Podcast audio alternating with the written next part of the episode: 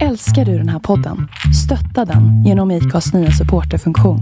Det är helt upp till dig hur mycket du vill bidra med och det finns ingen bindningstid. Klicka på länken i poddbeskrivningen för att visa din uppskattning och stötta podden. Hiring for your small business? If you're not looking for professionals on LinkedIn, you're looking in the wrong place. That's like looking for your car keys in a fish tank. LinkedIn helps you hire professionals you can't find anywhere else, even those who aren't actively searching for a new job but might be open to the perfect role. In a given month, over 70% of LinkedIn users don't even visit other leading job sites. So start looking in the right place. With LinkedIn, you can hire professionals like a professional. Post your free job on linkedin.com slash people today. Hi, I'm Daniel, founder of Pretty Litter. Did you know cats tend to hide symptoms of sickness and pain? I learned this the hard way after losing my cat, Gingy. So I created Pretty Litter, a health monitoring litter that helps detect early signs of illness by changing colors, saving you money and potentially your cat's life. Pretty Litter is veterinarian developed, and it's the easiest way to keep tabs on your fur baby's health right at home. Go to prettylitter.com and use code ACAST for 20% off your first order and a free cat toy. Terms and conditions apply. See site for details.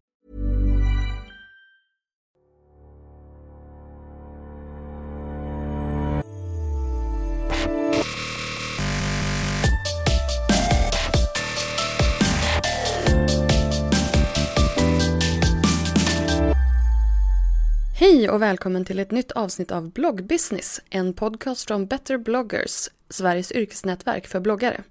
Jag heter Linda Hörnfeldt och eh, är grundare till Better bloggers. Mig hittar du till vardags på lalinda.se. Den första december så ska vi i Better bloggers ha ett meetup tillsammans med Konsumentverket som i dagarna håller på att ta fram en ny vägledning för hur vi bloggare ska Eh, tänka när det gäller marknadsföringslagen. Så att då kommer vi att ha två jurister från eh, eh, Konsumentverket närvarande så man får ställa sina frågor. Så är du medlem eller vill du bli medlem så är du välkommen till den här meetupen. Mer information hittar du på betterbloggers.se. Dagens gäst är Sofia Sjöström, även känd som PT-Fia.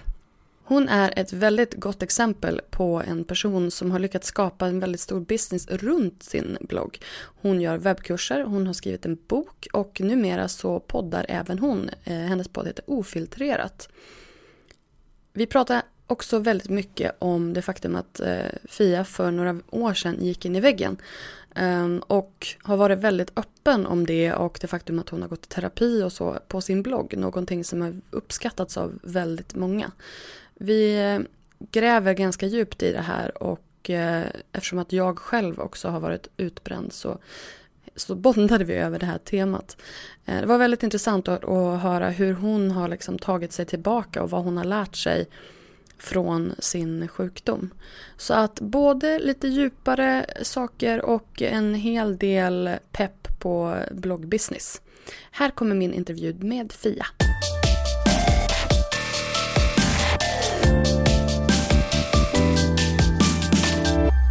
Hej och välkommen till bloggbusiness Sofia Peterfia Sjöström! Tackar! Hej! Hej! Alltså jag känner mig lite intimidated när jag sitter här hemma i ditt vardagsrum. Det är ju trots allt eh, multipristagar-bloggpryl-grej, säger tjej. Oj! Ja, det blev jättelångt. Multipristagar-grej-tjej. Ja, vi säger så. Ja, det var det du sa. Eh, ja, men det behöver du inte göra. Du, nej, känn inte så. det ska du inte göra. Men vad gullig du är. Tack. Ja, eh, det här är ju... Jag, vi sitter hemma i ditt vardagsrum eh, i Hammarby sjöstad. Eh, du har enorma pelargonier och jag är väldigt avundsjuk. Eh, jag förstår inte hur det här går till. Men tydligen så ska jag då bejaka min inre tant. Exakt. Ja. Bejaka den inre tanten så kommer du få mm, större blommor. det är ju trevligt. Precis, Ja. som, som den gamla profeten sa. Ja, eller hur? Mm. Ja. Eh, vad härligt. Men du, eh, jag tror att du är ganska välkänd i den här bloggosfären, men du kan väl ändå berätta lite grann om eh, dig själv och din blogg? Ja, eh, jag heter då Sofia Sjöström men de flesta kallar mig bara Fia, till och med mamma och pappa nu efter många år och mycket motstånd. Eh, jag kommer från Dalarna från början, i en liten stad som heter Hedemora. Eh, är uppvuxen där, flyttade därifrån när jag var eh, efter studenten. Och sen så hamnade jag till slut i Stockholm, började blogga. Och nu har jag lagt fem år av mitt liv på bloggvärlden och eh, allt vad det innebär. Och driver eget företag, eh, kör eh, olika frilansuppdrag som jag brukar kalla det för. När någon frågar så här, vad jobbar du med? Ja, jag har en blogg och så gör jag lite annat. Du är bloggentreprenör. Vad fint, tack. Mm. Det är, Är någonting det som liksom- jag försöker etablera, just det uttrycket bloggentreprenör. Så att man tjänar ju pengar, man har sin blogg som bas men sen tjänar man ju pengar på många andra delar också. Som ändå har, som spindlar ut sig från bloggen om man säger så. Verkligen. Det är helt rätt. För att utan bloggen så hade jag ju inte haft något av det jag har idag. Så det är helt korrekt. Bloggentreprenör, där har du till ditt visitkort. Varsågod. Det var ett väldigt fint ord. Ja, fint. Då höjer vi statusen på yrket. Ja men faktiskt, faktiskt. Eh, jag tycker det är viktigt. Jag, pratade med Sandra Beijer om det här och hon, hon sa att när hon presenterar sig så säger hon alltid att jag är bloggare, författare etc. etc. Och eh, jag tycker att det är viktigt just för att höja yrket. Att man faktiskt vågar stå för att det är det man gör. Så att man inte bara säger ja, men jag är skribent eller jag är frilansare eller någonting sånt där. Utan man säger att man är bloggare. Verkligen. Gud för ja. att det är ju faktiskt, eh, bara det i sig är ju entreprenöriellt.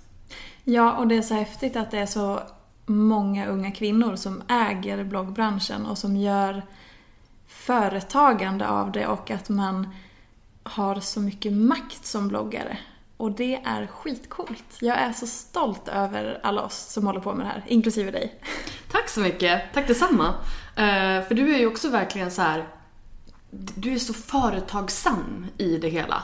För du har ju gjort så mycket andra saker förutom bloggen. Men vi tar det här från början. Nu får jag lugna ner mig lite. Ja. När eh, och eh, varför började du blogga? Eh, om vi ska backa tillbaka helt och hållet så Ja. började, okej, då började jag blogga 2007 när jag flyttade till USA. Eh, för jag hade tagit studenten, var 19 år, eh, skulle bo i USA i ett år, jobba som au pair och så var det sådär, ja men det här med blogg, ja, hade väl sett det lite grann. Eh, och så tänker jag att det är ett bra sätt att eh, kommunicera det jag gör hem till mamma och pappa och kompisarna. Så det var så det började. Det var någon sånt där portal som hette typ nog.se eller sådana, alltså jag kommer knappt ihåg. Ja. Och så var, då hade jag också bilddagboken, så det var liksom lite hela i den eran. Ehm, Lunarstorm. Ja, fast lite efter. efter? Lite Okej. efter tror jag. Jag hängde kvar på Lunarstorm alldeles för länge. Vill du verkligen berätta det? Nej, jag kanske får klippa bort det sen. Ja. Eh, nej men och sen så, så hade jag den och då på den tiden så kallade jag mig för Dumfia. Eh, det var bara någonting som, eh, ja men jag vet, det är så konstigt i, i efterhand. Nej! Dumfia liksom. Jag tyckte det var lite gulligt så. Eller jag tror att jag tyckte det. Ehm, Så typiskt att förminska sig själv ja, liksom. ja men jag vet. Sluta upp. Ja, jag vet. Ja, nej men nu skulle jag aldrig göra det. Nej, bra. Eh, Då går vi vidare. Ja, och sen så fortsatte jag med det tills jag, för efter USA så bodde jag i Oslo ett tag, det var där jag träffade min kille, så han, det var därför jag hamnade i Stockholm. Ehm, så när jag flyttade väl till Stockholm sen efter några år eh, så hittade jag på, kom jag på med personlig träning tack vare en kompis som skulle börja en utbildning. Och då så blev det naturligt att jag började skriva mer och mer om träning. Och hälsa och mat och hela den biten. Eh, så det var egentligen då som det blev liksom en, en blogg på riktigt som det är idag. Att eh, jag kom in på hela liksom att man kan ha det som ett företag eller en arbetsverksamhet. Så eh, bloggat som Peter Fia har gjort sedan 2009. Det var ett långt svar. Fast det, det där är jättebra för att det, jag tycker att det är väldigt intressant just att den här, de här vägarna som man går. Och att man ofta börjar blogga som privatperson och liksom treva sig fram lite grann och så sen så inser man att när man har blivit van och bekväm med mediet så kan man ju göra vad man vill med det liksom. Verkligen. Och jag sa fel, det var 2010 sen, bara så för att korrekta mig själv. Ja, precis. Inte luras här. Nej. Ehm, men när du började så började du på nog. Ja. Och sen då? Eh, Okej, nu måste jag tänka efter. Det här var länge. Jag tycker Eh, det är jättespännande med plattformar. Ja, nog.se. Sen har jag för mig att jag var lite grann på blogg.se en kort stund. Sen eh, när jag kom över till eh, där jag började med själva träningsgrejen eh, så gick jag över till Finest.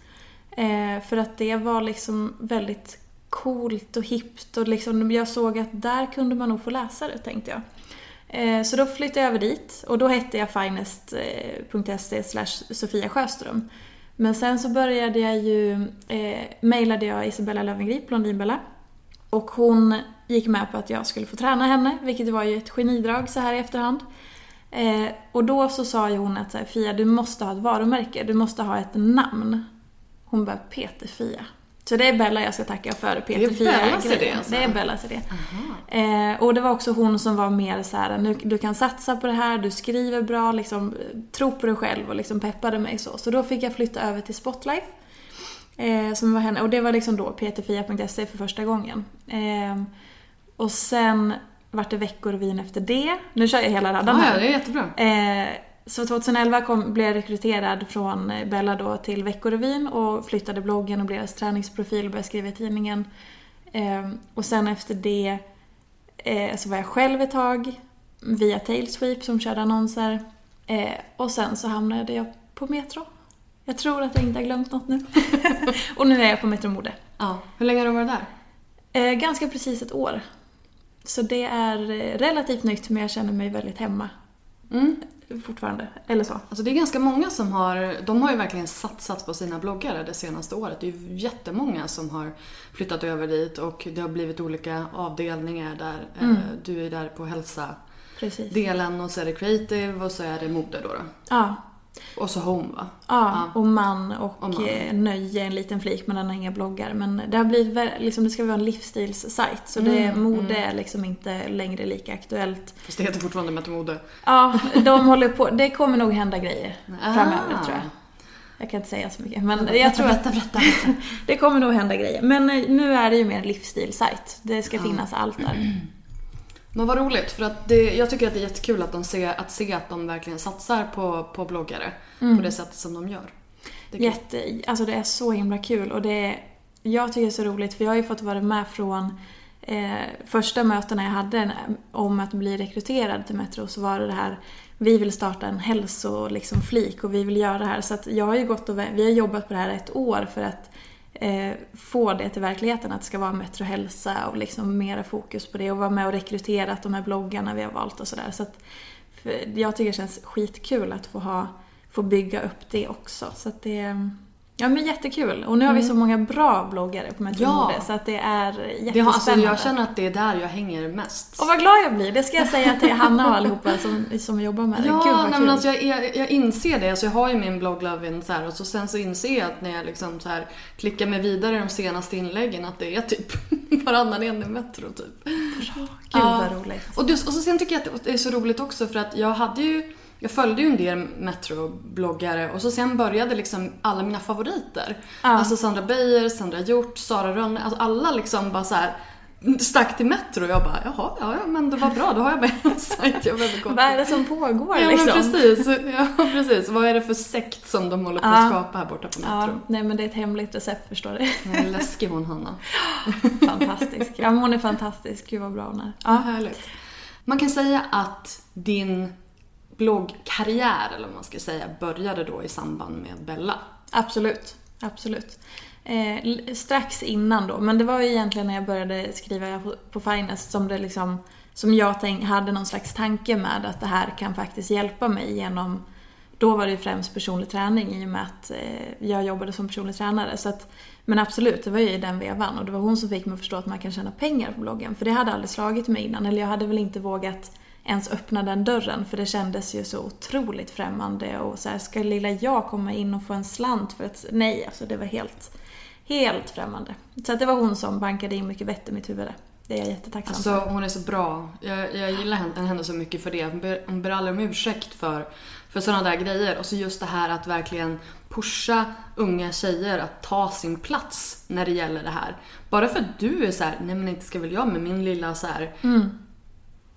Alltså, vi är väldigt dåliga på att säga att vi gör bra saker. Och så sen så är det också väldigt så här att bara för att man själv tycker att någonting är ganska lätt så betyder inte det att det är dåligt. Nej. Förstår du vad jag menar? Ja.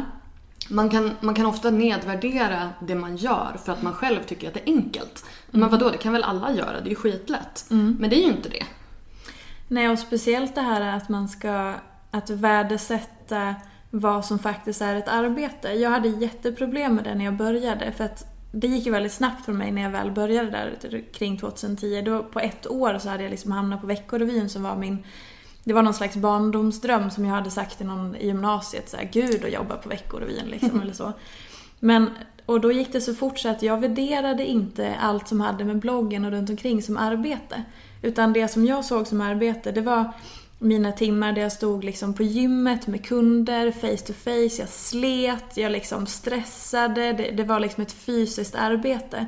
Och samma sak, jag har jobbat som personlig assistent i många, många år med bland annat en CP-skadad tjej och förståndshandikappade och sådär. Så det är ju arbete för mig. Att sitta vid datorn och skriva lite, det, det räknades liksom inte. Det var inte... Det var för lätt som du säger. Eller det var liksom så här, pff, Fan, löjligt. Inte löjligt, men det var liksom... Det var så för enkelt för att det skulle vara ett jobb. Så jag, jag, hade, jag jobbade ju på gymmet och sen tyckte jag att bloggen var fritiden. Länge. Mm. Det är inte så bra. För det är jobbigt att blogga också, eller det är mycket som kommer med det. Så det gäller att värdera det man gör oavsett vad det är man gör. Here, here. Men när du flyttade till Finance då började, liksom, då började läsarna trilla in. Mm. Eh, och sen med Bella så fick du väl en ganska rejäl trafikskjuts kan jag tänka mig. Verkligen. Jag fick, gud, jag kan fortfarande komma ihåg det första gången hon länkade till mig efter ett träningspass. Eh, och jag tror att jag hade sådär uppemot en 50-60 000 besök på bara några timmar och jag var sådär det här är så jävla läskigt. Det kändes som att någon hade dragit ner brallorna och jag fick så här 50-60 kommentarer och jag gick in på hennes blogg och såg mitt eget ansikte och var så här, Men alltså det kändes som att världen skakade under fötterna och då var jag i gymmet och kollade i telefonen och så gick jag in och kollade statistik och var helt så här, Vad är det som pågår nu? Det var en chock verkligen. Mm. Att jag blev så påverkad av lite siffror, men det blev jag verkligen. För att då var det som verklighet på något sätt. Ja, men alltså, jag bara, I know the feeling. Ja. jag, hade, eh, jag hade varit på ett event med eh, Veckorevyn. Mm. Och jag tror att Kinsa hade gjort sitt allra första Veckorevyn-omslag precis innan då. Och så var jag på det här eventet och så hade jag tagit en, en bild på, liksom, det var som en vägg då med det här, det här omslaget. Ah. Och så hade jag tagit en bild på det och så hade jag lagt upp i bloggen och så hade jag liksom länkat till henne att, eh, ja men det här. Och då har hon ju sett det och så hade hon lånat min bild och så hade hon lagt upp den och så sen hade hon bara skrivit bild från Linda. Liksom. Ah. Och den dagen så hade jag typ så här Alltså det var inte 50-60 men det var ju typ 6000 besökare mm. som hade kommit. Från den där lilla bild ja. av liksom. Ja. Hon, har, hon har inte skrivit om mig utan hon har bara gett mig bildcredden. Ja. Och du vet jag bara... Ja. Wii! Och så sen bara... Ja, ja, nej men det, alltså, det är en helt overklig känsla och man, man, är man helt oförberedd och helt grön så är det ju som att, men som jag, alltså att marken skakar lite under fötterna. På ett väldigt positivt sätt men också så här, gud vad har jag sagt? Vad, då börjar man ju tänka också. Jag fick ju väldigt mycket ansvarskänsla och så här, oj, vad ska jag göra med det här nu då? Vad gjorde du med det då? Ehm, jag försökte förvalta det så mycket jag kunde. Jag tänkte så här, jag märkte att, eh, att läsarna ville ha mer än bara träning för att jag skrev ganska mycket om sånt i början. Ehm, och fick väldigt mycket att folk ville veta mer om mat och ätande och sådana saker. Eh, så då började jag liksom, gjorde jag en liten inofficiell liten undersökning och bara får jag 50 kommentarer i det här inlägget så kommer jag börja skriva om mat. Och så bara drutt, ja men okej, ni vill att jag skriver om mat, då gör jag det. Och också lite för att testa liksom att så här, både kommunicera med läsarna och för att se om de stannade kvar. Och sen så återupprepade ju, vi tränade ju till och från under några månader så att jag fick ju ganska många länkar. Sen var det ju väldigt många som var elaka i början, som liksom det kom ganska mycket troll, vilket ju är sådär hur fasen hanterar man det här nu då? Folk började attackera mig för att jag, jag själv hade ätstörningar eller att jag skulle ge Blondinbella ätstörningar och det var så tråkigt att hon ska börja träna nu för att hon verkar ju så vanlig och det är ju bara märkvärdiga människor som tränar. Och det var liksom de tyckte att mina nyckelben stack ut för mycket och jag måste säkert vara sjuk i smyg och jag måste säkert, jag var extrem för att jag skrev ju bara om träning. För då fanns det inte så många träningsbloggar. Då var det här, men alltså jag kan skriva om andra saker men eftersom det här är en tränings och hälsofokuserad blogg så vore, alltså det är därför jag skriver så mycket om det. Men då tyckte folk att jag var extrem för det var det enda som fanns i mitt huvud då. Så att det var ju väldigt, det tog väldigt många år innan folk hade lärt känna mig, innan jag hade hittat vad jag ville förmedla och innan liksom ja men innan vi hittade varandra så, innan folk slutade anklaga mig för att ha dolda ätstörningar och innan folk liksom fattade att så här, hon är inte extrem, hon har ett annat liv också. Men på den här plattformen så pratar vi mest om träning och hälsa och sådär. Så att det var mycket att hantera. Och det var, det var ganska svårt. Alltså jag blev eh, sjukt ledsen många gånger. Det var någon som kommenterade så här. Jag låg på rygg och visade en övning och de bara Hon har verkligen inga bröst överhuvudtaget, hon är helt platt. Och då bara, ah, okej, okay, det var ju roligt att du lyckades träffa mitt komplex som jag haft sedan jag var typ 11 år. Jag har ganska små bröst, men tack för att du påpekade det. Alltså det var väldigt såhär bara rakt in i hjärtat. Och så ganska ung, jag var så här 23, 24 och ganska skör och så här. Hur hanterar man en sån sak? Nej, man blir ledsen liksom. Ja, men det är klart man blir. Ja. Och i vanliga fall så behöver man kanske inte hantera de här trollen från början, utan de brukar komma lite senare. Ja, och ganska fick, successivt ja, också. Men du fick väl dem på, på köpet från, från Bella, för hon hade ju rätt mycket. Hon har väl fortfarande en hel del, men, ja. men eh, där hade hon ju ganska mycket mm. Eh, sånt skitsnack. Men gud vad jobbigt. Ja, det var, det var jobbigt. Samtidigt som att jag såg liksom allt det här positiva som kom med. Men, men jag tog ju åt mig väldigt mycket i början och det var väldigt hård ton. Och jag tror också att folk blev provocerade av att jag var så hurtig. För att jag, jag var väldigt hurtig. För att jag var, jag var som sagt 23-24, hade tagit mig från en liten stad och så blev jag upplockad av Bella och så såg jag en massa möjligheter. Och jag tränade mycket för jag jobbade med träning och så här. Jag mådde liksom bra på det sättet samtidigt som jag mådde väldigt dåligt över andra saker innerst inne. Så att det blev liksom... Och jag är en ganska glad person vilket gör att det är ganska lätt då att här, lyfta de sakerna. För jag var inte redo att... Jag ville ju inte erkänna för mig själv att jag hade saker jag mådde dåligt över. Så då var det klart att jag, det var ju naturligare för mig att visa de här jag ska inspirera och peppa och träning och hälsa. Så att jag kan ju förstå att vissa blev provocerade. Det förstår jag idag. Eh, för då hade jag ju inte riktigt hittat mig själv eller min väg eller mitt budskap och sådär. Det var ju så nytt. Men hur gjorde du det då? Eh, jag gick in i väggen. Eh, det... det är inte att rekommendera som lösning. Nej, det är inte en väg att rekommendera.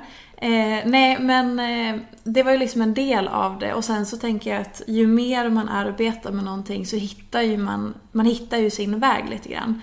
Och sen så som bloggare så upplever jag att man formas ganska mycket efter sina läsare. Dels så, så märker man vad de vill läsa om. Dels så märker jag att om jag uttrycker mig på ett sätt och så får jag väldigt mycket skit för att folk blir provocerade då kanske jag försöker uttrycka samma sak men att jag rundar av kanterna lite. Jag kanske inte använder lika utstickande ord. Eh, jag kanske formulerar mig på ett lite mjukare sätt men fortfarande får fram den här poängen och så.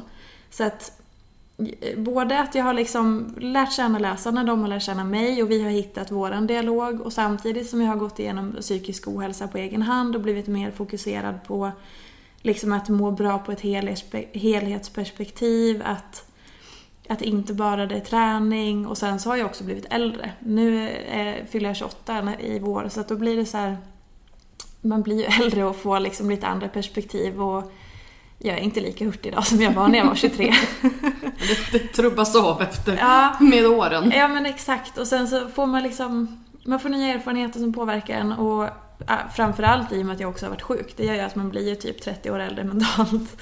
Så att det är ju vare sig man vill eller inte så påverkar ju livet. Livets utmaningar påverkar en.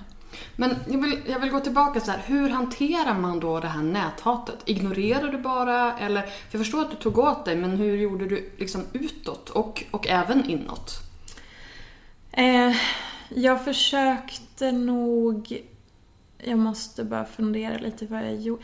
Jo, jag försökte, jag svarade alltid. Jag försökte alltid bemöta det genom att säga nej, jag har inte dolda ätstörningar och det finns ingen anledning till att jag skulle dölja det i så fall, för det känns inte rätt. Skulle jag få det? Så, alltså sådär. Um, det måste bli försökt... väldigt tröttsamt Ja men gud. För jag menar, du matar ju bara trollen då. ja men verkligen. Så först, jag försökte liksom bemöta och förklara och berätta.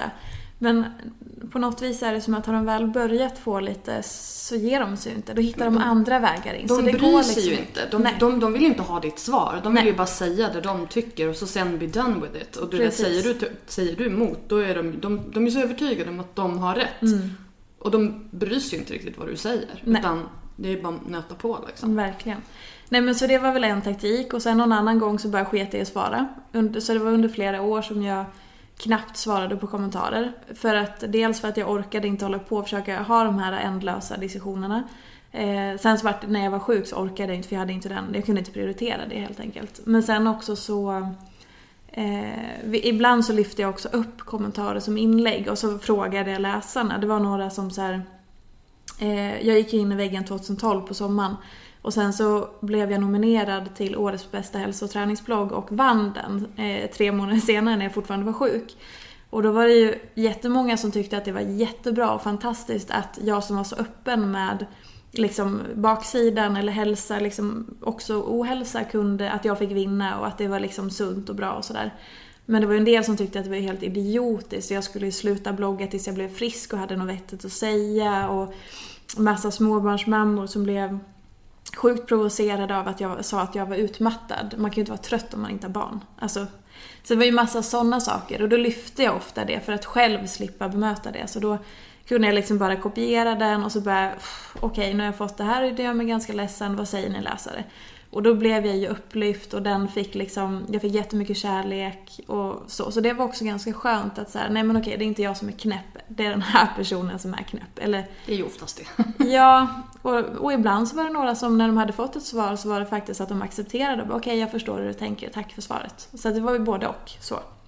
De finns alltså? Absolut, absolut. Det är många gånger faktiskt som folk har skrivit något elakt och sen när jag har svarat och berättat hur jag tänker så bara men gud förlåt jag menar inte att låta så elak eller ja men jättefint att du svarade i alla fall och nu fattar jag och sådär. Så, så det, det, är inte alla som, som bara går på sin sak utan de kanske genuint undrar eller har en dålig dag och bara eldar upp sig och sen inser de när de har funderat lite att säga jaha okej men då förstår jag, jag köper det du säger. Men, och då tycker jag det är jättefint att du, att du orkar bemöta det. Och sen ser man väl också lite skillnad i kommentarerna om de liksom försöker vara konstruktiva eller om de bara liksom hatar. Absolut. Eh, och då, då tycker jag det är fint för jag menar, har du då kunnat få någon att inse att de har fel och att det finns andra sätt att se på saker så är ju det ett dagsverke. Ja men absolut. Och sen försöker jag, de senaste åren så försöker jag verkligen att bemöta genom att inte säga att du har fel och jag har rätt, utan mer att jag förstår hur du tänker och jag kan ta till mig din konstruktiva kritik och det ska jag tänka på. Jag kanske inte håller med, men jag tar till mig det du säger. Och det upplever jag också för att jag ska ju inte alltid tro att jag har rätt.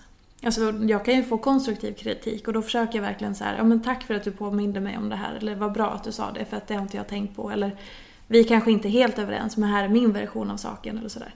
Det känns ju som att du har en väldigt aktiv dialog med dina läsare. Ja, det skulle jag säga. Ehm, och jag försöker att vara med mina läsare. Jag vill att vi ska känna så att vi är på samma nivå och jag kan lika gärna be dem om hjälp som att, jag försöker, att de får inspirera mig som att jag försöker inspirera dem eller eh, jag försöker säga att vi kan lyfta olika ämnen eller läsa frågor eller jag har inlägg där de får bikta sig bara så här berätta hur mår du idag, vad tänker du på, vad känner du? Så att jag försöker att, att vi ska vara liksom vänner så, eller på samma... För en del bloggare kan sätta sig över sin läsare lite grann. Och det vill jag inte göra, utan jag vill att vi ska vara ett team lite. Ja men det, det, är väl det som är hela grejen med en blogg, att det ska bli en dialog snarare än bara en monolog. För att mm. som läsare, blir man inte sedd så tröttnar man ju. Ja, absolut. Känner jag i alla fall. Att om, om, eh, om man inte får någon respons Alltså, sen behöver man inte få respons exakt på ens egen kommentar, men att man ser att, att bloggaren liksom reagerar på att man är eh, engagerad och, och aktiv mm. i kommentarsfält eller liknande. Um, men du har ju ett väldigt aktivt kommentarsfält och du är aktiv. Ja. Alltså att du svarar på kommentarer och så. Ja, och jag har blivit mycket bättre med det. Ju, ju bättre jag har mått och fått tillbaka och blivit liksom, eh, fått mer energi och sådär så har jag verkligen valt att nu vill jag prioritera just mina läsare och kommentarerna för att det var under så många år som jag inte hade råd energimässigt att göra det. Så nu känns det så här, yes, äntligen kan jag ge dem den eh, liksom responsen eller uppmärksamheten som jag vill men inte har kunnat tidigare. Så att nu är jag sådär måste svara på kommentarerna, gud vad fint och så här, och de skriver så otroligt mycket fina saker så det känns som att så här, det är väl det minsta jag kan göra. Att så här, tacka för den kärleken man får eller ge liksom, ja men det där, den där vasen är från där eller liksom vad det nu kan vara så. Och sen är det ju väldigt många som som faktiskt kommer med ett viktigt ärende och då känns det så fel att om någon frågar mig eller berättar sin lilla livshistoria, vilket ofta händer, att så här, om jag mår dåligt över det här eller jag går och tänker på det här och jag vill dela med mig. Då blir det så här, jag vill inte bara ignorera det. För att det är ändå ett, det är viktigt för dem och då, då känns det fint att kunna svara så. Om, det kan, om de uppskattar det. ja men de har ju valt att öppna sig för dig av alla människor. Ja. Så det är klart att då, då måste man ju liksom värdera det. Ja men verkligen. Och det är mycket därför som jag... Jag hade en eh, praktikant för tre år sedan som jag sen eh, anställde. Hon jobbar på timme för mig och sköter bara min infomail. För att det känns så viktigt att alla som mejlar ska få ett svar. Så om man mejlar till mig så får man svara antingen från mig eller från Helena då, min eh, assistent. Eller man säger, ja, assistent. Ehm, och det är så här, det kostar ju mig pengar men det känns otroligt viktigt att oavsett om det är ett företag eller om det är en privatperson eller en läsare eller vad som helst så ska det ska finnas svar. För det är så många som man mejlar till och så hör man aldrig någonting. Och man mm. vet inte, har de fått det? Har det gått fram? Bryr de sig inte?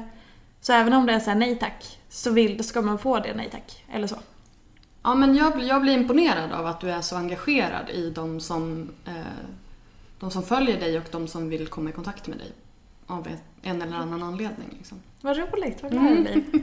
ja, men du, det känns ju verkligen som att du värderar ju ditt varumärke, du värderar den platsen som du har fått, eller du har ju självklart arbetat till den, men du har ju ändå så här, du är ju privilegierad eller man ska säga. Du har, ju, du har ju en plats i den här branschen som inte många har.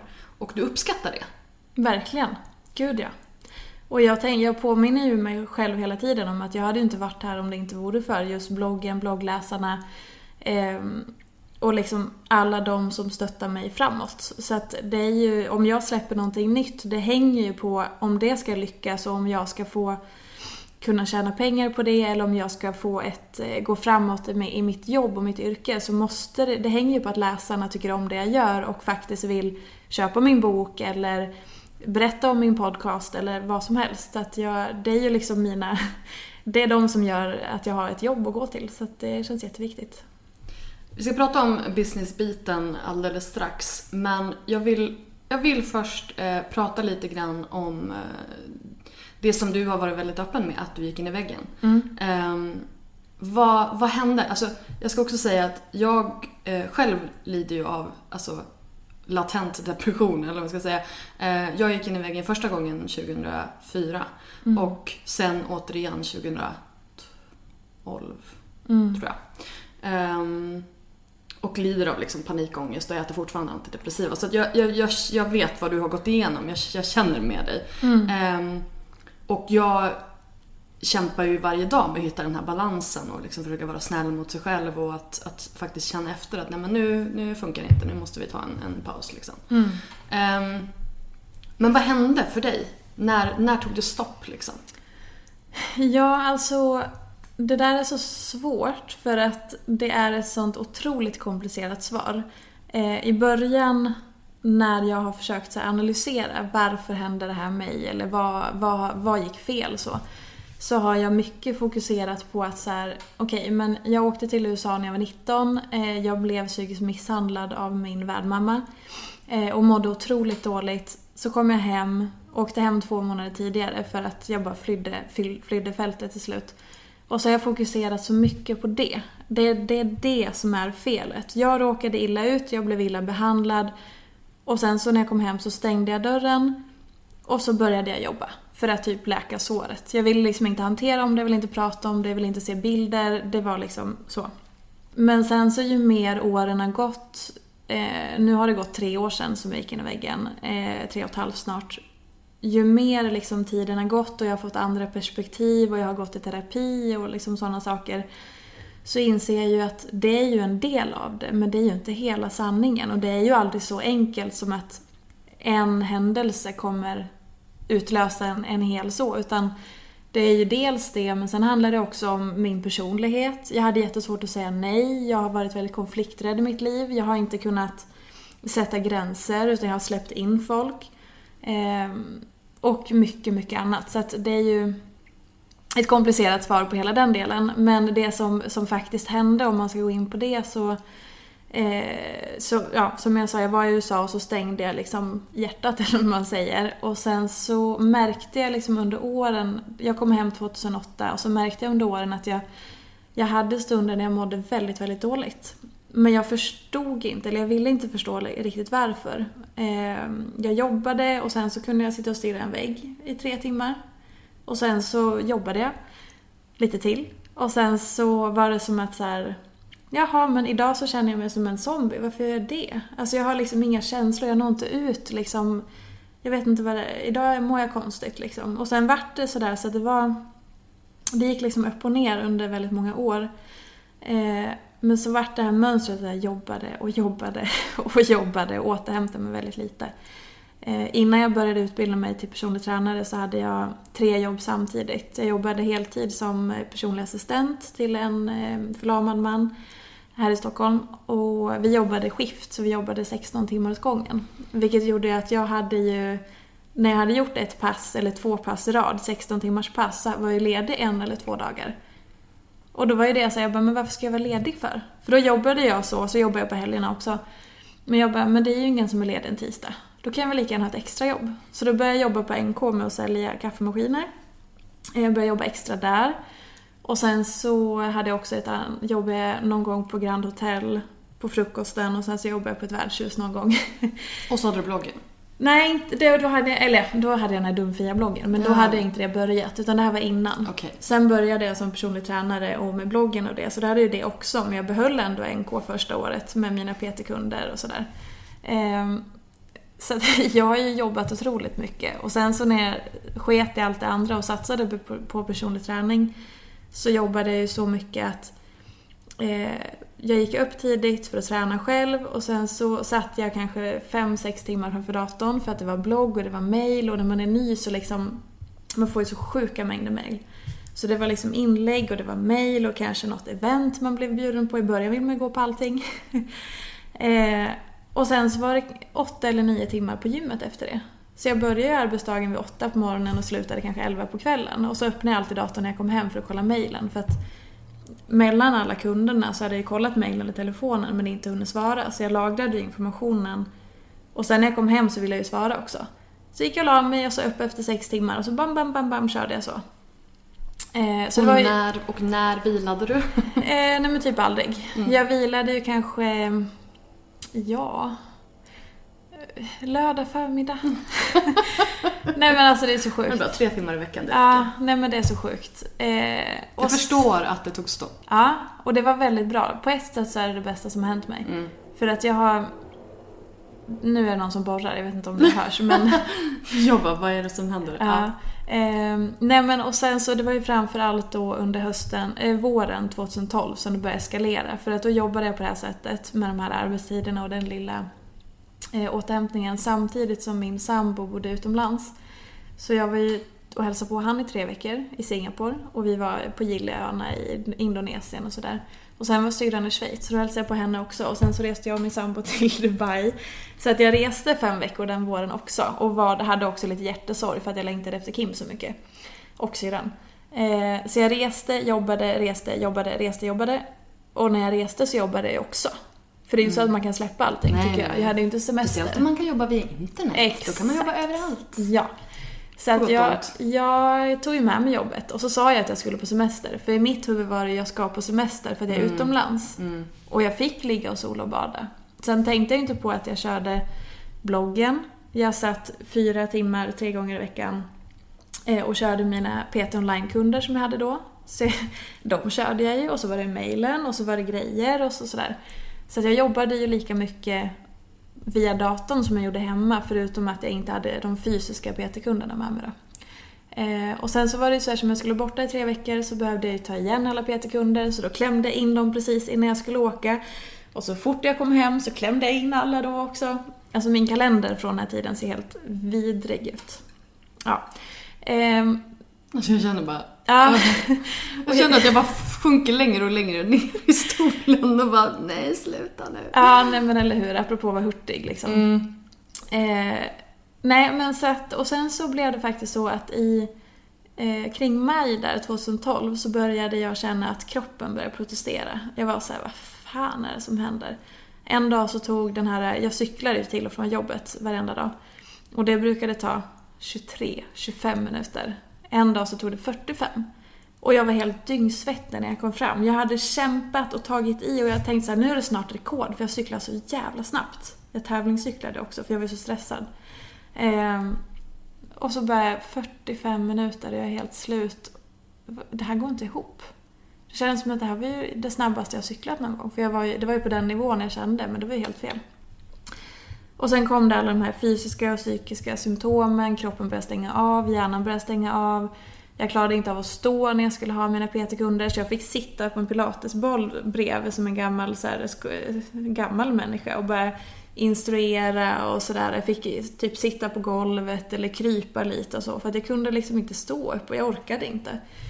Eh, vissa, ja nej men och kring den tiden när, när det började komma symptom eh, så insåg jag att jag mår ganska dåligt över någonting. ah, men det är USA. Jag behöver bara prata lite om USA så löser det sig. Eh, så då gick jag till en samtalsterapeut och började gå till henne en gång i veckan. Och varje gång jag hade varit hos henne så vart jag sämre och sämre och sämre. För då öppnade jag också det här såret. Mm. Eller jag liksom öppnade ju dörren. Mm. Och sen när jag gått hos henne en, strax över en månad, då tvingade hon mig att gå till läkaren. Hon bara, det här går inte Fia, kom igen nu, skärp dig. Eh, så då sökte jag, eller jag gick till läkaren på så här akuttid eller på morgonen och sen så, för då hade jag kollapsat på badrumsgolvet, eh, hade Kim hittat mig där. Ehm, så då gick jag till läkaren och bara bröt ihop totalt. Och då sjukskrev han mig på, alltså med omedelbar verkan på, så här, han bara, ingen fysisk eller psykisk eh, belastning överhuvudtaget. Du går typ och lägger dig i ett mörkt rum. Ja, så kom jag hem, hade sjukintyget och så här, ja men jag är sjukskriven på 100% i typ två veckor, tre veckor kanske. Och sen så eftersom jag ville behålla bloggen så vart det på 75% och sådär. Eh, och sen så, så gav jag pappret till Kim och sen så gick jag och packade. Han bara, vad gör du? Ja men jag ska ju gå och jobba. Han bara... Vänta nu. Men du är ju sjukskriven. Nej men vadå, det är onsdag idag, börjar inte det på måndag? Men alltså hur skadad är du? Förlåt att Nej men det är helt okej. Okay. Men det där är helt bisarrt. Det är helt sjukt. Det är så stört. Och du har blivit sjukskriven. Nej men vadå? Redan nu? Jag ja. måste ju jobba färdigt först innan jag får vara sjuk. Och, och sen, det som jag höll fast med vid var ju att så här, okej okay, men om, om eh, sex veckor så har jag ju semester. Och då ska jag ha semester i tre veckor. Då ordnar sig allt. Mm, säkert. Hur länge var du sjukskriven? Eh, ett år. Mm. Men det var...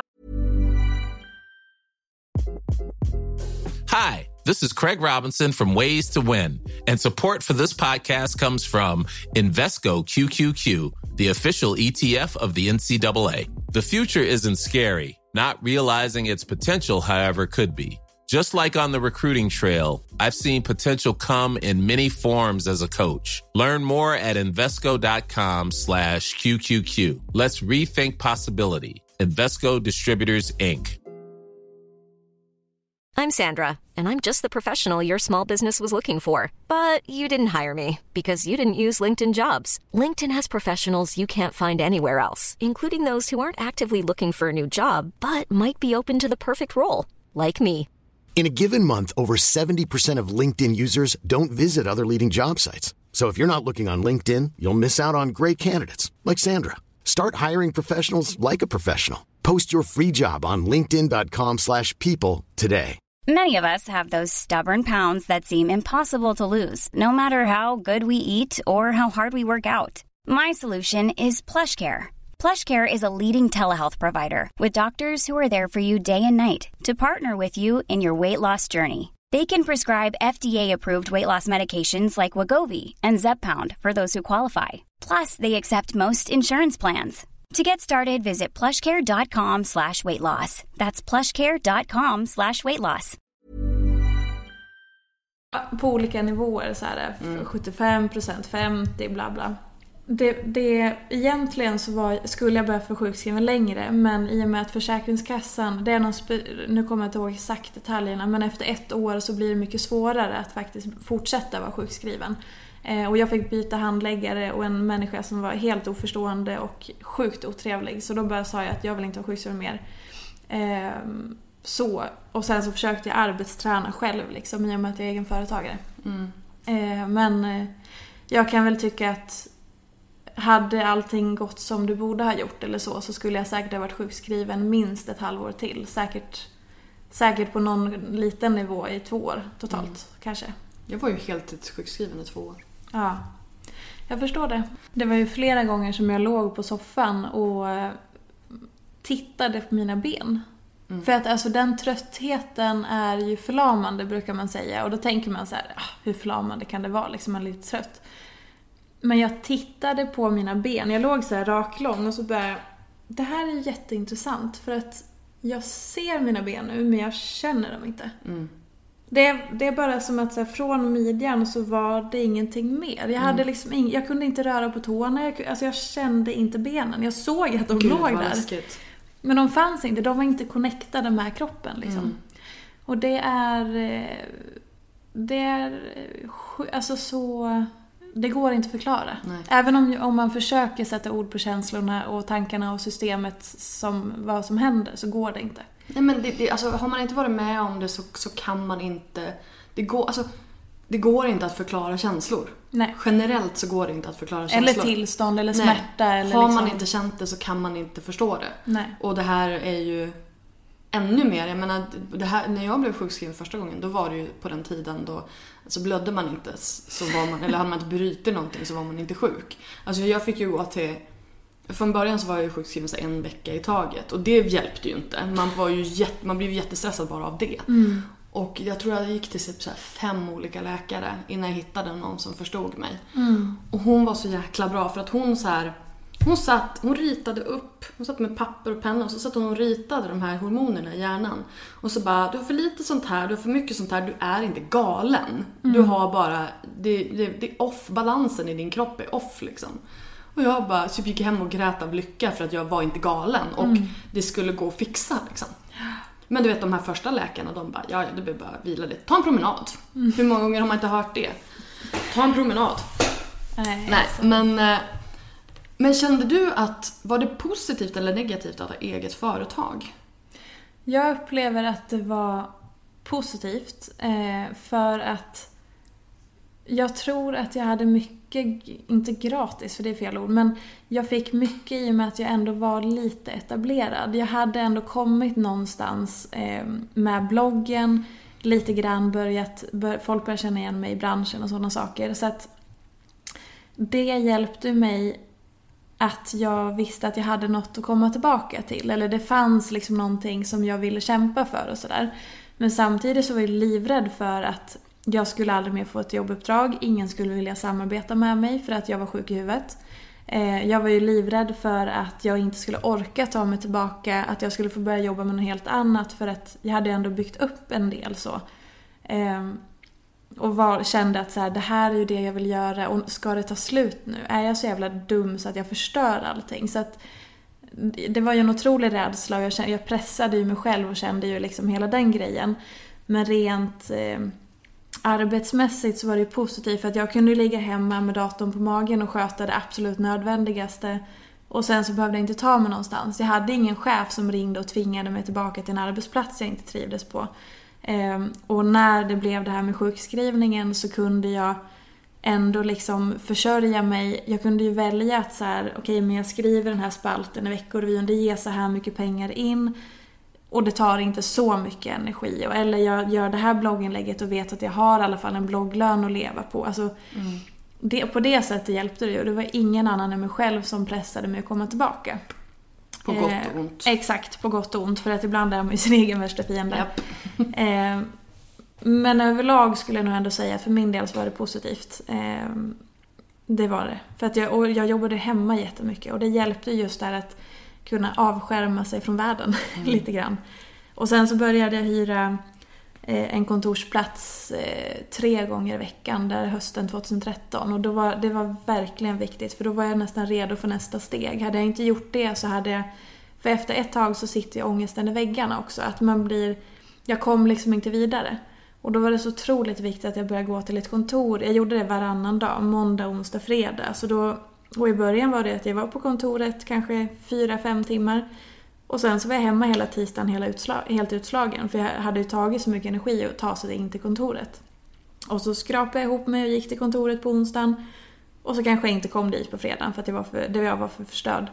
Men jag lyckades liksom ta mig sakta men säkert, sakta men säkert. Ehm, och det var viktigt för att jag skulle komma till nästa nivå på det hela och känna att så här, jag klarar av ett vanligt liv. Sen i början så var ju återhämtningstiden flera dagar. Men det gjorde ändå till slut att jag kom vidare. Så det var, jag upplevde att det var det bra. Men det är såklart, det är inte, det är inte samma för alla. Eller det beror ju helt och hållet på vad man är för chef eller organisation eller så, mm. folk runt omkring sig. Jag håller helt med dig. Alltså, anledningen till att jag inte har gått in i väggen igen är ju för att jag är egen. Ja. För att jag kan då så här, om jag känner att nej, nu går det inte idag, då kan jag bara ställa in allting. Och så stannar jag hemma. Precis. För att hade jag liksom, ska man då ringa och sjukanmäla sig två gånger i veckan eller en gång i veckan. Då, alltså även om chefen säger vi förstår mm. så, så kommer det ju inte att funka.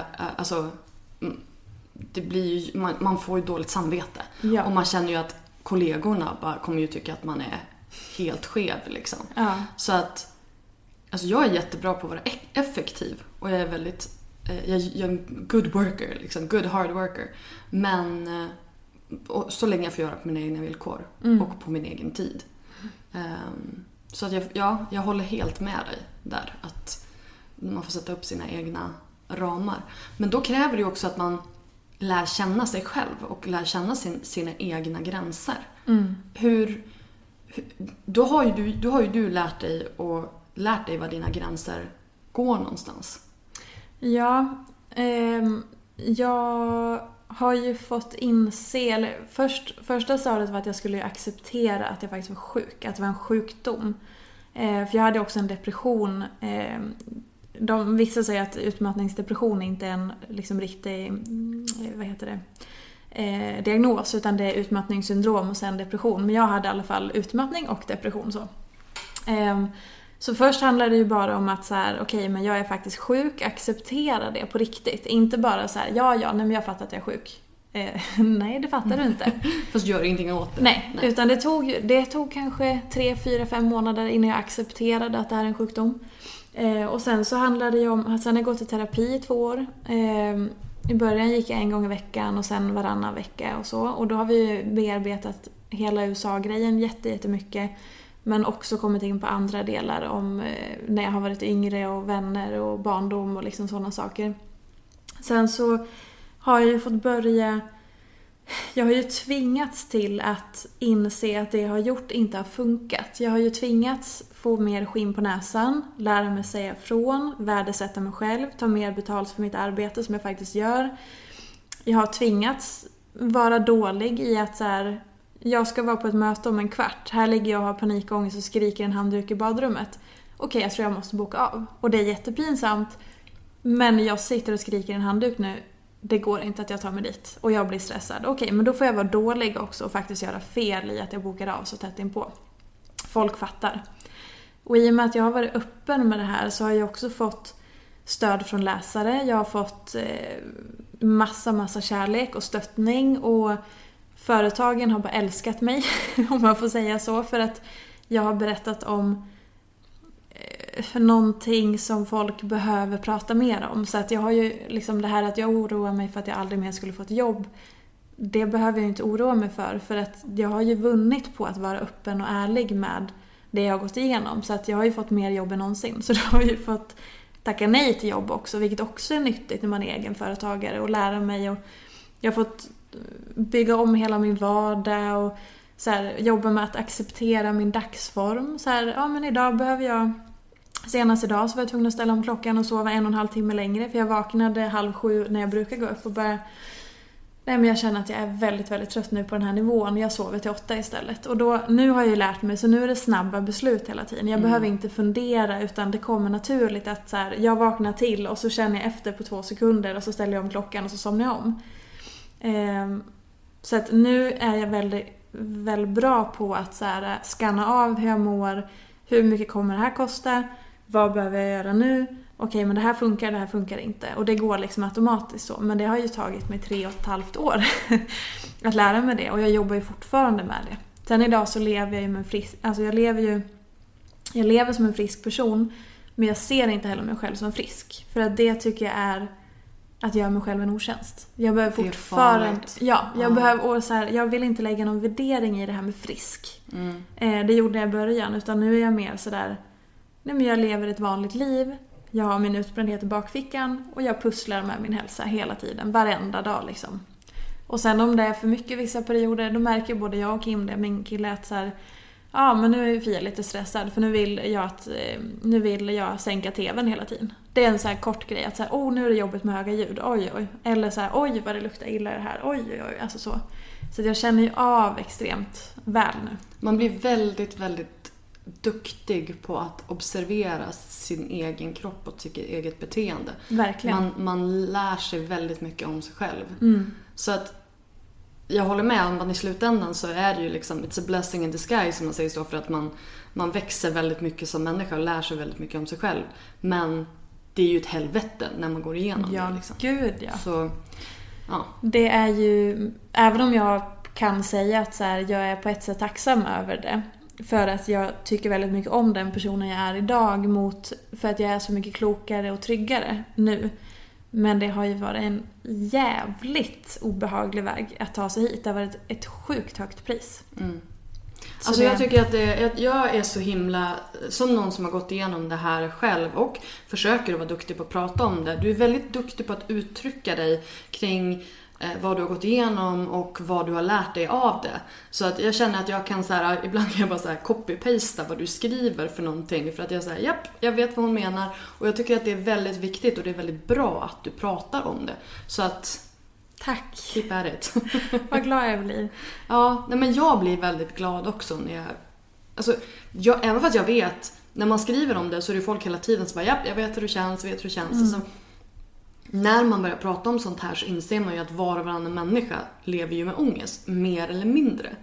Eh, och därför är det så skönt när någon som du sätter så bra ord på det, för då kan man...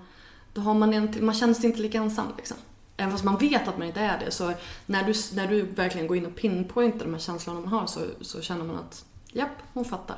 Vad fin. ja, men det är verkligen det som har gjort att jag fortsätter all den här kärleken och responsen. Det var bara som när jag var, jag var med i Malou efter tio eh, för ett par år sedan. Och så satt vi i soffan där och allting är så lite nedsläckt och mysigt så man blir ju väldigt så här. eh, Det är en bra, bra. Vaggas in i den här, japp, berätta nu. Exakt. Och sen så ställde hon frågan, jag hade inte gått in på det här med hela USA och psykisk misshandel innan. Och så ställde hon frågan så lite spontant, men vad var det som gjorde att du hamnade där du hamnade då? Och så sa jag det. Du Jag, bara blä. ja, första gången som jag sa det högt, jag blev psykiskt misshandlad i USA av min värdmamma. Och jag började gråta och jag grät och jag grät och jag grät. Och jag kunde inte sluta, för det var första gången jag sa orden högt. Och då satt jag där i TV och grät som ett litet barn. Och jag kände att så här, det var mer en fysisk reaktion också. För jag var, det är ungefär som att jag skulle sitta så här nu, vara ganska lugn och liksom så saklig. Men att mina tårar bara rinner och rinner och rinner. För att det var som att Sjukt bra en TV. fysisk... Eller hur? Och då Malou var det ju sådär... "Yes!" Ja. Och efteråt, alltså när, även när jag var färdig så det bara fortsatte rinna. Och ut i taxin och i två timmar när jag kom hem, det slutade inte. Mm. Och då var jag så här: fy fan i hela helvete vilken skam jag känner nu. Alltså jag skäms så mycket. Här sitter jag första gången i TV. Nej, det var inte första gången. Men i alla fall, skitsamma. här sitter jag i TV och gråter som ett litet barn och berättar om det här. Och det var så jävla vidrig känsla, ursäkta att jag svär. Men det var så, det var så skamfyllt och äckligt. Och jag hatade mig själv så mycket. Och så kommer jag hem, öppnar datorn och så sitter folk och skriver att de själva sitter och gråter för att de är så berörda och de tycker det var så fantastiskt och bara äntligen. Och jag bara så här, då grät jag ju ännu mer men av så här, åh gud vad skönt, de fattar mig. Ja. Så, eller av liksom kärleken. Så att det är därför jag liksom inte kan hålla tyst för att jag får den responsen hela tiden. Alltså du har kommit så långt från the haters där från början som liksom petar på de här helt meningslösa små sakerna till att liksom få den här kärleken. Det är ju helt fantastiskt. Det ja, jag är så sjukt tacksam. Alltså, ja. Jag känner bara, nu har vi pratat skitlänge, men jag vill ändå liksom eh, jag gör en hel omvändning och eh, prata business. Ja, kul! eh, när började du tjäna pengar på din blogg? Eh, det var efter att jag hade börjat på Spotlife. Ja, jag tror, jag flyttade över där kring årsskiftet 2010-2011 och i och med att jag fick kontakt med Bella så snabbt så jag tror att jag fick någon första blogglön sådär kanske första kvartalet 2011 så. På någon tusenlapp sådär. Och det var ju helt fantastiskt. Det var ju så här, fan vad häftigt det här är. Och så, så det var någonstans där. Eh, via Spotlife. Och sen så för då skrev jag också för Egoboost-tidningen, så vi hade någon gemensam deal, alltså tidningen och bloggen och sådär. Så det var nog i den vändan tror jag. Fick du då betalt per eh, trafik eller hur, hur såg liksom upplägget ut? Kommer du ihåg det? Um, jag tror att det var någon form av jag är inte helt säker, för jag kommer inte riktigt ihåg. Men jag tror att det var någon form av stege per unik besökare i veckan typ. Och sen så hade vi ett arvode för tidningen. Mm. Jag, jag, ska inte svära på det för nej, att det här nej, är det så... behöver du inte nej, göra. Men, det, är bara eh, intressant, det är bara intressant att se hur det har utvecklats. Mm. För sen, nu ska vi se, ja, var det Veckorevyn sen? Veckorevyn efter ja. det. Mm. Och, och var det typ samma sak där eller? Där var det per unika besökare i veckan och så var det en stege när jag kom upp till olika nivåer så var det olika, eh, olika arvoden då. Mm. Så man kunde få bo, alltså jag fick ju mer ju mer besökare jag hade. Mm. Och sen var det också ett, eh, en trappa så att jag, ham, jag åkte aldrig ner på noll. Även om jag hade tappat läsare så var det någon så gräns att jag får minst det här. Mm, Okej, okay. det är trevligt. Eh, ja, nej men eh, jag har ju förmånen... Exakt. Eh, jag har ju förmånen att ha min sambo som är civilekonom. There så you go. han, plus att han, han stöttar upp det hela lite. Ja, han är otroligt engagerad. Han hjälper mig med massa med avtal, förhandlingar. Nu har jag lärt mig förhandla själv, vilket jag är sjukt stolt över. Eh, men han, han hjälper till väldigt mycket han har lärt mig mycket av sånt som inte jag kan. Så han är ju liksom akademiker och kan mycket om sånt här. Kan jag få låna honom lite? Absolut. Tack. Absolut. Tack. Han är bäst ska jag säga. Nej, men, och han har gjort att jag inte har trasslat in med avtal. Han har liksom hjälpt mig att så här, justera hur man kan tänka, vilka punkter ska vara med, vad ska inte vara med och sådana saker. Så att han har hjälpt mig otroligt mycket. Hur har din blogglön utvecklats? Alltså jag tänker, eh, du har ju självklart fått mer läsare så att du har fått mer lön på det sättet. Men har den utvecklats så här, du behöver inte prata om din specifika lön, men har blogglönerna gått upp? Ja, och just att eh, från början så var det ju lite mer att man var ta, tvungen att ta betalt exakt per besökare eller liksom trafiken. Idag så kan jag ta lite, kan jag mera basera mina arvoden på mitt varumärke. Vilken relation jag har till läsarna, att jag faktiskt har, att jag levererar allt i kvalitet, att jag är grym på att leverera till samarbeten, för det är jag. Eh, eller hur? Ja. Eh, ja, men jag gör alltid mitt bästa, att jag har ett varumärke folk känner igen. Och, så nu handlar det inte det handlar inte lika mycket om att vara störst och bäst. Nu kan jag visa att jag är bäst, men jag behöver inte vara störst. Eller liksom så. Jag kan liksom basera på, på andra saker också. Precis, men just det här också att man måste väga in varumärke mycket i det. Um, men hur har du liksom, alltså det, det, där är ju frågorna som jag får oftast. Mm. Det är hur tar man betalt? Ja. Hur tar man betalt? Ja, det där är... Det, jag tror att det beror helt och hållet på eh, dels vad man vill göra med sin blogg. Eh, en del vill ju typ förstår inte att de kan ta betalt. En del lägger sig väldigt lågt för att man vill inte vara till besvär eller man vill liksom så. Och en del... Eh, jag försöker värdera det jag tar betalt för. Dels varumärket, dels vad jag har för trafik. Dels också att jag alltid försöker leverera det absolut bästa av kvalitet och att jag kan referera till tidigare nöjda kunder. Eh, och att jag jobbar väldigt professionellt. Jag jobbar inte för... Jag har inte utgångspunkten att jag är en bloggare. Jag har utgångspunkten att jag är en företagare och jag, jag fakturerar och jag eh, vill visa ett resultat och jag vill leverera kvalitet och liksom alla de delarna som jag har. Bloggen är en så liten del. Det är en viktig del. Men det är inte allt jag gör. Så jag kan också liksom försöka visa en bredd i okej men om du köper mitt varumärke då får du det här och det här och det här och det här. Har du något Ehm, exempel? Ja du. Har du något liksom samarbete som du har gjort som du så här, ja men då fick de det här och det här och det här och vi, Ja. vi la upp det så liksom? Jag har ju... Jag kan inte prata så mycket detaljer med mina avtal och sådär men jag, jag har jobbat ju med Calitro som är ett norskt träningsklädesmärke. Ehm, och de har ju, jag bär ju enbart deras kläder, deras kläder och det gör ju att de får ju väldigt mycket extra exponering. För är jag med i tidningsreportage så har jag deras kläder, är jag på omslaget någonstans så har jag deras kläder. Gör jag min bok så har jag deras kläder. Eh, är jag, vart jag än är och syns i ett sammanhang där jag ska vara Peter-Fia och jag ska ha träningskläder på mig så har jag alltid deras kläder. Vilket gör att då får ju de extra exponering. De fick ju hela min bok nu. Eh, sen så säger jag till att ta bra betalt. Men det blir ju som en extra bonus för det, ju, det vet ju inte vi jämt att så här, hur många böcker ska hon göra det här året. Alltså det är många saker som, som vi inte vet när vi sätter årets avtal så, för vi jobbar årsvis. Ehm, Så då får du en, en, en klumpsumma för, för ett år? Typ. Nja, jag får må- ja precis, men jag fakturerar en månadslön. Precis, men du har ändå, det är inte baserat på trafik eller någonting sånt Nej. utan det är en fast summa. Liksom. Precis, precis. Så att det där... Jag tycker att det viktigaste är ju att man värderar sig själv lite högre än vad man tror. För att man förstår inte vad de sitter på på andra sidan.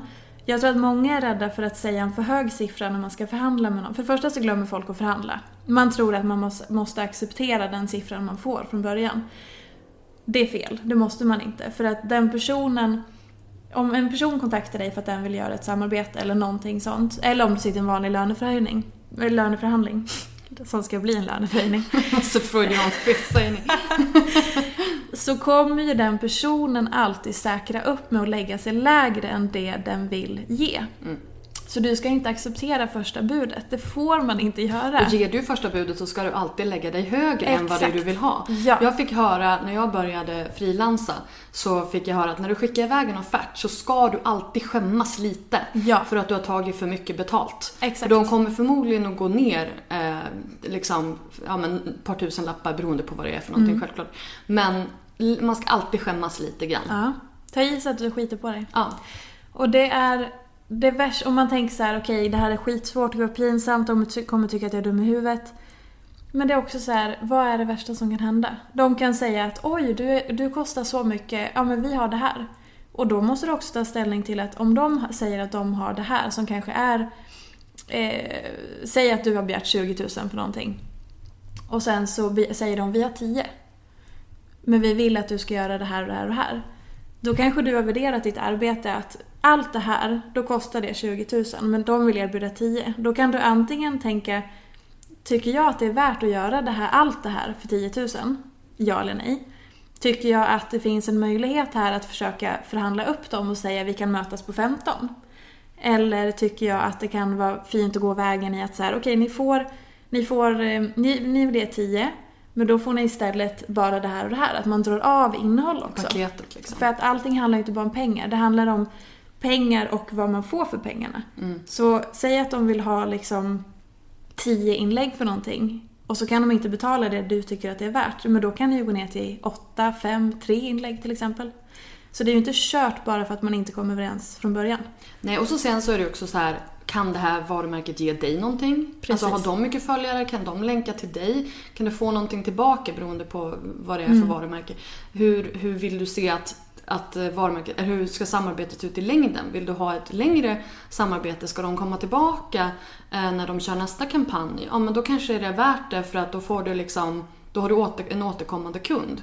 Så det finns ju inga det finns inga enkla svar. Men det jag brukar säga är så här, skäms lite när du skickar offerten och det ska kännas bra i magen. Det ska kännas värt det när du tackar ja, även om du har gått ner i pris. Precis. Och viktigt också är att pengar är ju inte allt. Jag tackar många gånger nej för att så här, det kanske är jättebra pengar och ett stort fint erbjudande.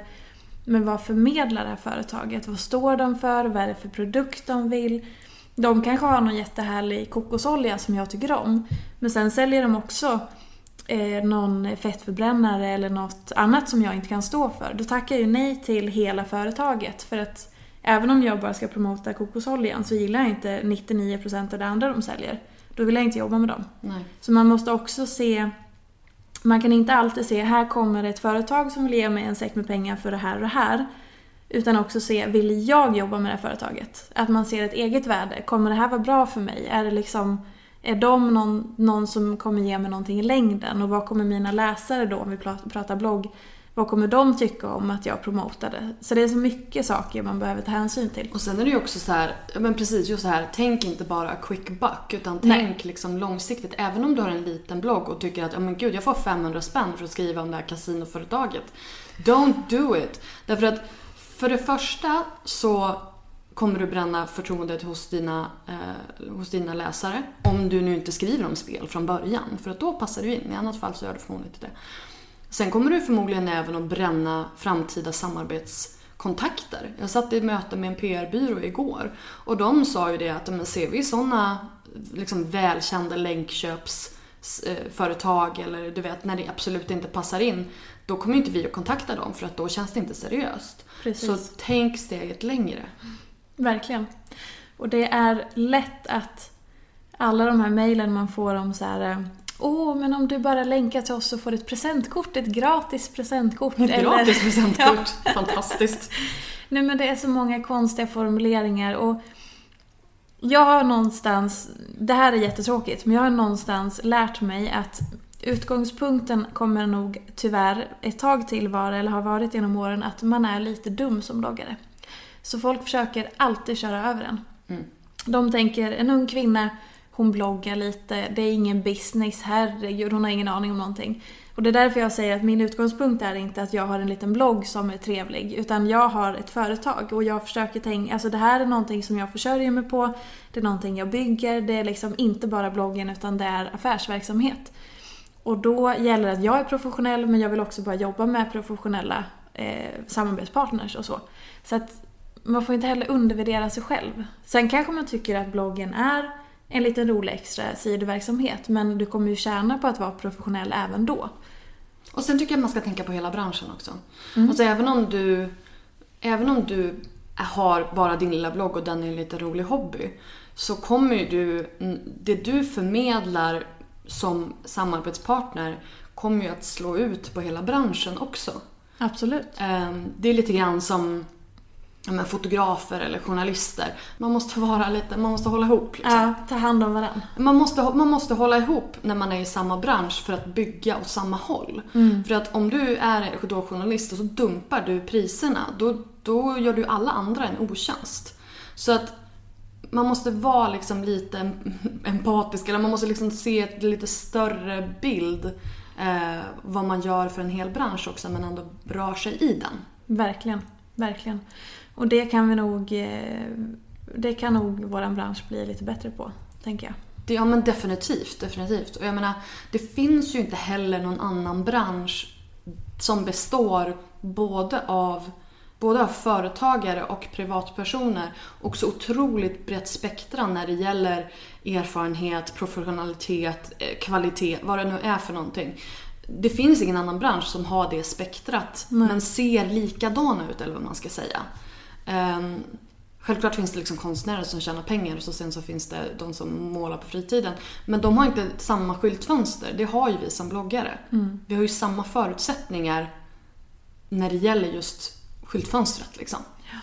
Sen så tycker jag att det är... Ehm, eller jag hoppas att många... Att vi, alltså jag vill hela tiden försöka hjälpa till eller bidra om jag kan att försöka höja statusen på yrket. Men det är så svårt när en del personer in, gör motsatsen. Som jag tänker att många bloggare kanske börjar när de är väldigt, väldigt unga. De kanske aldrig haft ett vanligt jobb. Och det är ju lätt att den här uppmärksamheten man får stiger en lite åt huvudet i att så här, man tänker att alltså man får ju mycket kärlek och man får väldigt mycket liksom positivt. Men jag tror att vi behöver professionalisera hela branschen. Det är ju så att det, det är ju så många led av människor och folk pratar så att man blir inte heller långvarig om man inte levererar sitt bästa, om man inte är trevlig, om man inte är respektfull, professionell. Om man inte... Man kan inte ta hur mycket som helst betalt om du inte levererar därefter. Så att jag tror att även om man själv känner att det är lite kul att blogga och sådär, man får försöka att vara lite mera det är ett jobb idag och det ska vi vara väldigt tacksamma för för det är coolt men vi måste förvalta det annars så kommer inte den här branschen bli särskilt eh, långvarig. Så att mer business in i bloggandet säger jag bara det. High five. High five. Nej men det är, och just det här att även om det är ens första jobb, man inte har jobbat tidigare, prata med någon som har jobbat tidigare, som har mer arbetslivserfarenhet eller som har som jag har Kim som har lärt mig massa om just så här avtal och grejer och för guds skull till att ha avtal på allting och sådana saker och se att man har ett värde. Gå med i Better bloggers. Ja men precis, exakt. Där har vi det. Nej men det, det är där vi vill kunna hjälpa till för många är ju liksom ensamma och har inte koll och man vet inte vad som gäller så det är därför vi, det är därför vi finns. Mm. Eh, för att liksom försöka skapa den här professionella basen. Liksom. Så att eh, är man ny och har inte, har inte koll, då är det bara att höra av sig. Gå in och läs artiklarna. Det finns jättemycket och det kommer mer. Liksom. Så att... Eh... Spännande. Mhm. Mm mhm. Men alltså, du har ju... Nu ska vi gå in på dina olika ben här. För du har ju, eh, du har ju bloggen. Du är ju, Är du fortfarande PT? Tar du fortfarande PT-kunder? Nej. Nej. Okej, okay. eh, så man kan inte höra av sig till Fia för att, för att få PT-tjänster. Nej. Nej okej, okay. men du, du, du körde bloggen, sen har du släppt en bok, nu har du en podd. Alltså vad, vad gör du mer? Vad har du liksom, vad, är, vad består ditt lilla entreprenörsuniversum av? Åh oh, herregud vilket fancy ord. eh, nej men så här. Eh, jag, jag är ju personlig tränare och kostrådgivare i grund och botten. Och jag har jobbat på gym som personlig tränare. Eh, sen efter att jag gick in i väggen och var sjukskriven och allt det där så vart det ju mindre och mindre. Jag har också haft en sajt för eh, PT online där jag tagit emot kunder via nätet. Eh, men idag då så har ju det här utvecklats eh, på olika håll och nu så det är ju bloggen som jag har framförallt. Jag sitter på kontor hela dagarna så jag sitter och skriver mest. Så det är bloggen, sen har jag mitt Instagramkonto. Det är ju mina sociala medier som jag satsar på. Eh, sen så i början av hösten så lanserade jag webbkurser där jag gör via eh, ett företag som heter Corsio och där gör jag då alltså onlinebaserade webbkurser om hälsa. Eh, nu kommer jag släppa en kurs mer om företagande kommer jag fokusera på framåt. Så det ska bli väldigt roligt. Och så vi pratar just om sådana här saker. För just som du säger, alltså bloggare, företagare och liksom få lite mer så. Om jag kan bidra på något sätt så känns det jättespännande att få göra det. Så där är webbkurserna. Ehm, och jag har släppt två hittills, det kommer fler. Och sen boken som jag släppte i mars. Ehm, nej men sen så släppte jag en podcast ehm, i, för tre veckor sedan. Och där, den heter Ofiltrerat om jag får säga så. Det får man. Och den är bara en första säsongen, åtta avsnitt. Jag pratar med kända bloggare, profiler för att komma bakom filtret och berätta, prata mer om verklighet och vardag. Lite grann som vi gör här idag. Vad har jag mer? Sen, så har jag olika samarbetspartners som till exempel Caritro. Ehm, nu är jag ny ambassadör för CCS Healthcare som är ett Dalabaserat företag och jag är från Dalarna så det är ju jättejättekul att få jobba med ett så viktigt företag för Dalarna för de ger väldigt mycket jobb. Ehm, så jag har ju olika samarbeten av olika slag med olika företag och det tar också i perioder ganska mycket tid. Sen är du på Metro också? Sen är jag på Metro. Det höll jag på nästan att glömma. Nej jag skojar. Ehm, och där levererar jag redaktionellt material och artiklar. Ehm, jag skriver i dagstidningen två gånger i månaden, varannan måndag. Och sen så levererar jag en gång i veckan artiklar till Metro Hälsa, alltså på webben. Och sen så gör vi en del webb-tv. Ehm, så jag, nu har jag spelat in två eller tre webb-tv-serier för Metro Mode och det kommer en till nu i december. Ehm, ja, så att det är liksom... Du har det du gör. Ja, och det är ju så här... Och sen frilansar jag lite grann ibland. Det är något träningsevent eller ibland någon artikel eller någon liksom sådana extra saker. Någon föreläsning ibland. Och så. Ja, men sådär. Ja. Men alltså, det känns ju som att you, you got it all.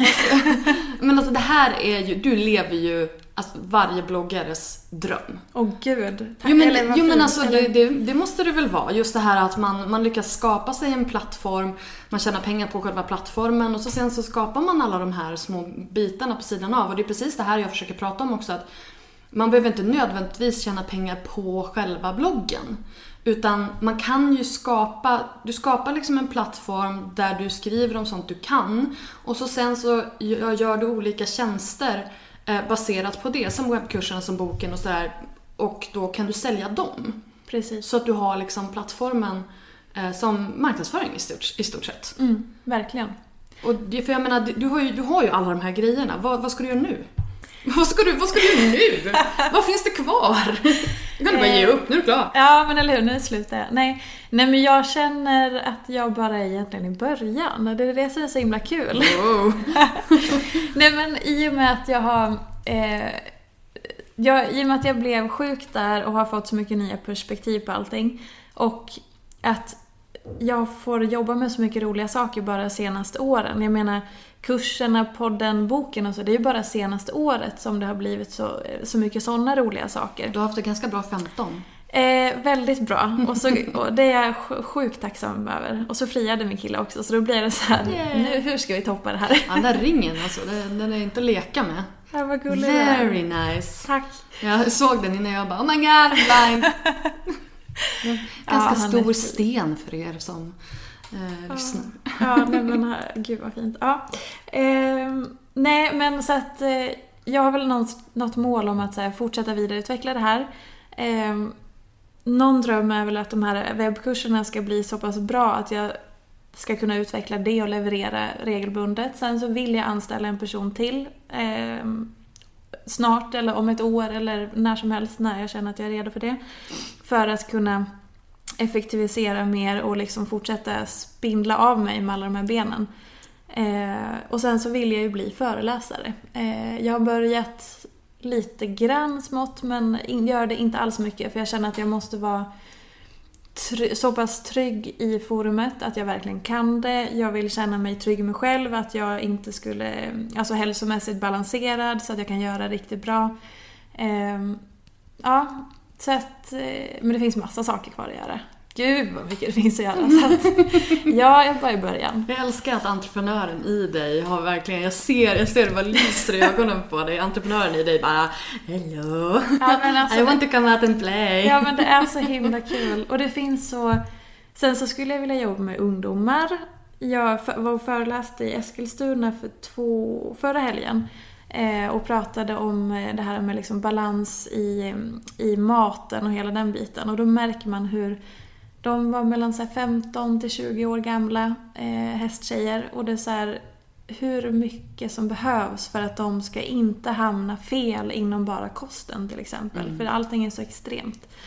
Ehm, och jag går väl någonstans mer och mer från att i början ville jag ju bara att bloggen skulle vara så stor som möjligt. Men idag så vill jag ju driva företag och liksom bloggen är en självklar del och den är jätteviktig. Men jag har inte längre mål att bloggen ska vara störst utan jag vill ju göra de här extra, eller liksom flera projekt vid sidan av så att säga. Ja, men nu vill du ju ut, utnyttja det inflytandet som du faktiskt har för att göra bra grejer. Precis. Mm. Ja. Tre avslutande tips eh, till våra lyssnare. Hur, hur hamnar man där du är idag? No pressure. Eh, ja, okej. Nej, men... Eh, ha, nu blev jag helt ställd. Jag tror att det krävs ganska mycket... Eh, du ska jobba med utgångspunkten att du är bäst, men du ska inte tro att du är bäst.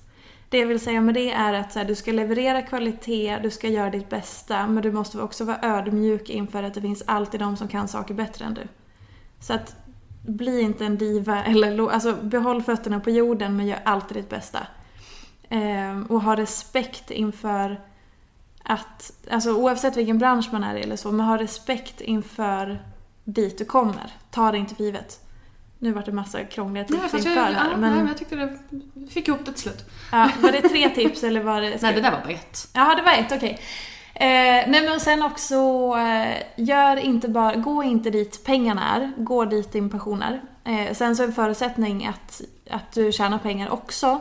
Men låt inte liksom din själ bli köpt eller sådär. För att folk kommer, om du kommer någonstans och börjar lyckas så kommer folk vilja kasta pengar på dig eller ge dig erbjudanden om pengar. De vill såklart ha saker tillbaka men men så, Men men... inte bara, det är liksom deras själ, bara varsågod. Nej men och låt inte förblindas av det. För att det finns, man måste alltid tänka flera varv innan man eh, liksom accepterar och, och sätta värde på sig själv och sådana saker som vi pratade om tidigare. Eh, och tips nummer tre, lyssna mer på din eh, magkänsla, på dig själv, på kroppens signaler, på Känns det här bra i magen? Eh, vad får jag för instinkter? Vad får jag impulser? Alltså så här, var mer eh, flummig. Eller så, nej men var mer liksom observant på, på hur din kropp reagerar. Både, nu pratar jag både stress och typ fatta beslut och vad som är rätt för mig och sådana saker. Var mer i kroppen. Typ så. Tack snälla Fia för att du ville vara med. Tack så jättemycket själv, det var jättekul. Du har precis hört ett avsnitt av Bloggbusiness, en podcast från Better bloggers. Podcasten hittar du såklart på iTunes och på bloggbusiness.se. Vi finns även på Facebook, på Twitter och på Instagram, at betterbloggers. Lämna gärna en kommentar med vad du tyckte om intervjun eller kanske lämna ett önskemål om en framtida gäst. Tack för att du har lyssnat. Ha det bra. Hej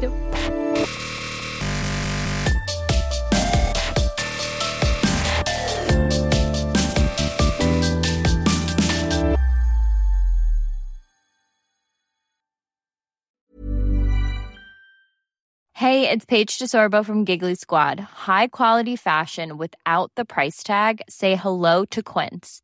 I'm snagging high-end essentials like cozy cashmere sweaters, sleek leather jackets, fine jewelry, and so much more. With Quince being 50 to 80% less than similar brands.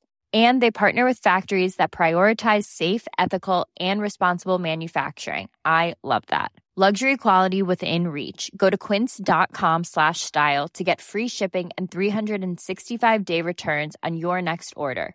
Quince.com slash style. Planning for your next trip? Elevate your travel style with Quince. Quince has all the jet setting essentials you'll want for your next getaway, like European linen, premium luggage options, buttery soft Italian leather bags, and so much more. And is all priced at 50 to 80% less than similar brands. Plus, Quince only works with factories that use safe and ethical manufacturing practices. Pack your bags with high-quality essentials you'll be wearing for vacations to come with Quince. Go to quince.com/pack for free shipping and 365-day returns.